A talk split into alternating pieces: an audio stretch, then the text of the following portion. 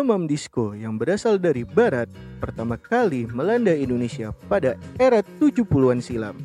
Sejak kedatangannya, disco disambut baik oleh masyarakat tanah air. Masa awal pertumbuhan skena disco diiringi dengan banyaknya diskotik, bar, dan klub-klub malam yang bermunculan di kota-kota besar, terutama di Jakarta. Namun, disco yang dinikmati kalayak Indonesia era 70-an masih begitu didominasi unsur barat. DJ atau disc jockey yang bekerja di diskotek atau tempat hiburan malam lainnya hanya boleh memutarkan musik-musik disco karya musisi barat alias dilarang keras untuk memutarkan lagu-lagu Indonesia. Fenomena ini terjadi lantaran lagu-lagu Indonesia selalu dipandang norak ada stigma tersendiri yang beredar dalam masyarakat masa itu kalau musik keren dan pantas dimainkan di diskotek cuma yang hasil ciptaan musisi barat. Berikut tanggapan dari David Tarigan, seorang pengamat musik dan founder Irama Nusantara. Uh, anak-anak muda Indonesia khususnya di perkotaan gitu yang kayak Jakarta ya, yang menengah ke atas mungkin bisa dibilang terutama mereka anti antipati banget sama kesannya ya kayak antipati banget sama segala sesuatu yang berbau Indonesia. Film Indonesia nggak ditonton di bioskop sama anak-anak itu gitu. Karena dianggap kampungan. Musik Indonesia juga. Gitu. Itu tuh stigma itu emang ada gitu. Jadi memang kita yang ngeliatnya kan beda nih. Generasi kita kayak gue kita maat gitu. Dan mungkin kalian juga gitu. Karena karena kita ngelihatnya kan dari ground zero ya. Menurut gue kan kayak kita menganggap rata dulu nih semua. Kita nggak ngalamin gitu kita nggak peduli sama hits-hitsnya gitu. Kita nggak pernah mengalami nostalgia akan lagu-lagu itu gitu. Kita melihatnya sama rata. Misalnya ada ada satu rekaman satu kaset kita nemu kaset atau piringan hitam Indonesia lama gitu, dari masa lalu. Pasti kita dengerin dulu semuanya. Dan kita wah ini yang keren ini nih. Dan mungkin yang kita bilang keren itu itu nggak sama sekali nggak populer zaman dulu. Ngerti kan? Yeah. yang iya. kita obrolin sekarang ini misalnya tadi kita obrolin misalnya lagu-lagu Indonesia yang tadi gue bilang bongkahan emas yang misalnya yang danceable yang punya groove yang keren yang bisa dibilang juga dikategorikan disco itu itu mungkin nggak populer juga pada zaman itu lagu-lagu itu. Nah begitu dia nggak populer kan nggak ada yang tahu. Nggak tergubris dong sama masyarakat umum. Jadi ya stigma itu akan terus berlaku gitu. Bahwa ya musik Indonesia kampungan karena yang hit ya pasti jadi yang, yang yang paling tanda kutip kampungan. Kesannya gitu kan. Yang Melayu lagi Melayu lagi cengeng lagi cengeng lagi gitu. Yang walaupun setelah ada geng geng-geng anak-anak menteng itu geng pegangsaan, Krisi dan kawan-kawan, Yoki dan lain-lain, setelah LCLR, badai pasti berlalu gitu, uh, itu uh, paradigmanya berubah gitu ya, udah mulai membaik gitu. Ya, tapi tetap aja stigma itu tetap ada. Ya, apalagi di klub. Balik lagi, klub itu kan uh, tadi yang kita ngobrolin di awal, kan identik dengan status sosial tertentu. Padahal pada masa yang sama, mulai muncul sejumlah musisi Indonesia yang turut merilis lagu-lagu danceable seperti Krisya dan Faris RM. Mereka mengadaptasi musik-musik barat sehingga lagu-lagu yang disenandungkan Krisya dan Faris RM sejatinya juga enak dipakai untuk berdansa. Sayang sekali, lagu-lagu karya mereka ternyata tetaplah gagal menembus pasar diskotek. Berikut tanggapan Aat dari Diskoria Selecta. Indonesia Disco. Itu tuh nggak ada. Genre itu di market itu tidak ada. Adanya pop. Pop. Tapi sebenarnya kalau kita mau lihat lebih dalam lagi tuh itu bisa dikategorikan sebagai disco sebenarnya. Misalnya Marini and the Steps. Itu yeah. bandnya Marini and the Steps itu tuh. Menurut kita itu salah satu band dari tahun 70 ya. 70 awal sampai akhir tuh. Yang sangat proper mungkin uh, apa ya uh, komposisi di komposisi yang kita bisa bilang disco tuh gitu tuh. Ada lagi sophisticated namanya dulu itu juga sangat proper. Jadi sebenarnya emang nggak ada dulu itu buat keperluan radio rata-rata. Dan apa ya sebenarnya ki banyak yang tenggelam juga dulu gitu loh. Ya mungkin karena dulu uh, satu dunia kena demam disco, akhirnya musisi di Indonesia pun membuat lagu dengan kemasan disco gitu. Ya tapi mungkin kalah dengan apa ya? Kalah dengan rilisan luar negeri yang diskonya gitu loh misalnya. Waktu terus berjalan, muncullah duo DJ Aat dan Merdi yang membentuk Diskoria pada tahun 2015.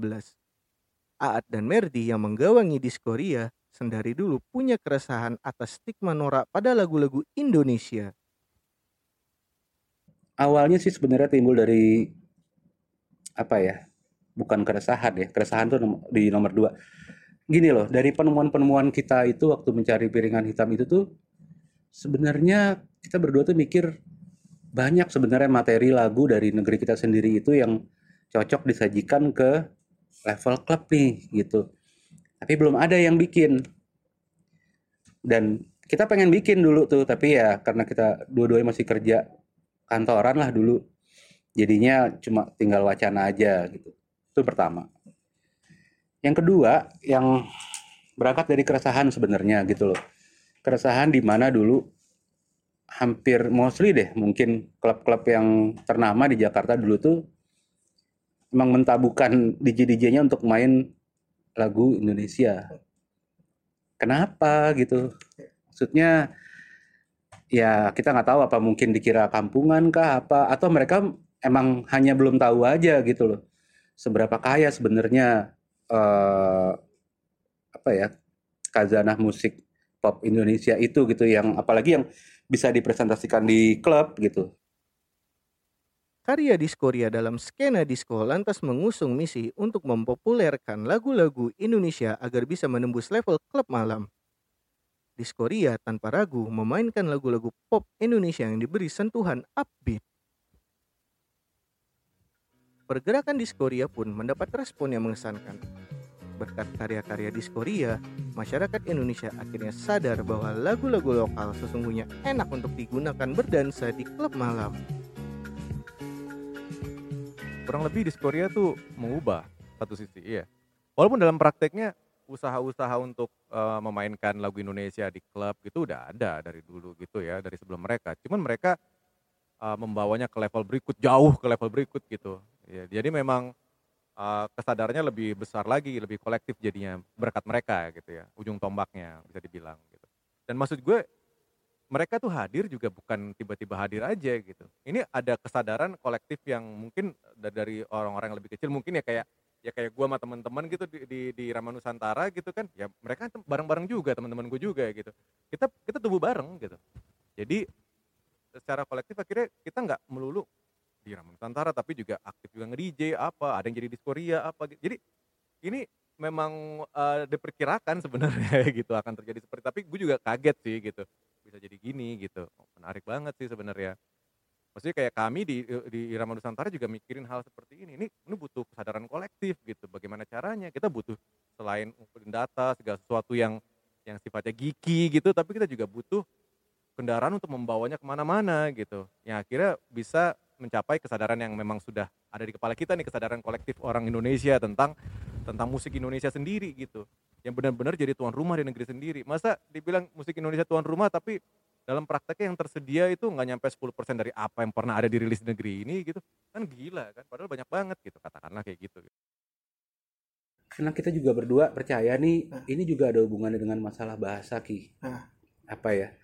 Ketika lo mungkin datang ke acara ya mungkin karaoke juga atau apalah gitu ya, acara disco yang emang ada liriknya di situ gitu loh. Lo mengerti mungkin liriknya gitu loh. Lo seru di situ tuh. Tapi ketika lo disajikan bahasa yang emang lo pakai sehari-hari, gue percaya sih emang pengertiannya akan lebih dalam ke lu gitu loh. Jadi benar-benar emang feels jadinya gitu ketika lo menyanyikannya gitu dari dalam hati pasti gitu loh. Itu gue percaya itu juga jadi faktor penting sih. Gitu. Lebih manis lagi, dampak kehadiran Diskoria terbilang menciptakan sebuah kultur baru. Lagu-lagu Indonesia yang dikemas melalui elemen disco oleh Diskoria beberapa tahun belakangan mampu dinikmati berbagai macam kalangan. Kaum milenial, anak-anak muda generasi Z, semua bersorak kegirangan bernyanyi dan berjoget bersama menikmati alunan musik disco yang disajikan Diskoria. Bahkan, acara-acara Diskoria kerap dihadiri para penikmat musik yang datang bareng keluarganya. Hingga wanita-wanita berhijab. Ini semua jadi suatu pemandangan yang zaman dulu tidak pernah terjadi dalam budaya disco di Indonesia. apa ya elemen surprise-nya tiap acara sore disco misalnya gitu. Eh ya buat bagi yang berhijab misalnya gitu sesuatu yang memang kita nggak pernah lihat sebelumnya di klub malam lah gitu loh Iya. artinya di sana mereka datang untuk musiknya gitu loh dan terharu sih kita lihatnya lalu ada yang datang sama ayahnya sama ibunya atau sama keluarga gitu. Ya hal-hal seperti itu deh yang apa ya eh, mungkin dulu nggak pernah dilihat di scene klub malam lah ya. Iya. di nightlife di sini nggak pernah kelihat jadinya terlihat. Di Bali eh, ibu sama anak atau sekeluarga ada juga. Ketika 2019 itu di Korea lagi banyak dipanggil di pensi pensi itu kan umurnya apa ya anak-anaknya ya SMP SMA itu kan jauh ya. Iya. gue 45 sekarang sekarang berapa itu maksudnya Kira-kira- jaraknya? Kelahiran 2000-an kayaknya. ya. ya 2000-an gitu. Tapi hafal mereka gitu loh. Hafal dan artinya kan mereka ngulik gitu loh. Nah itu sih yang bikin senang banget rasanya di batin tuh itu gitu loh. Mindset kita sampai gitu loh. Marilah mendengarkan lagu Indonesia lagi gitu loh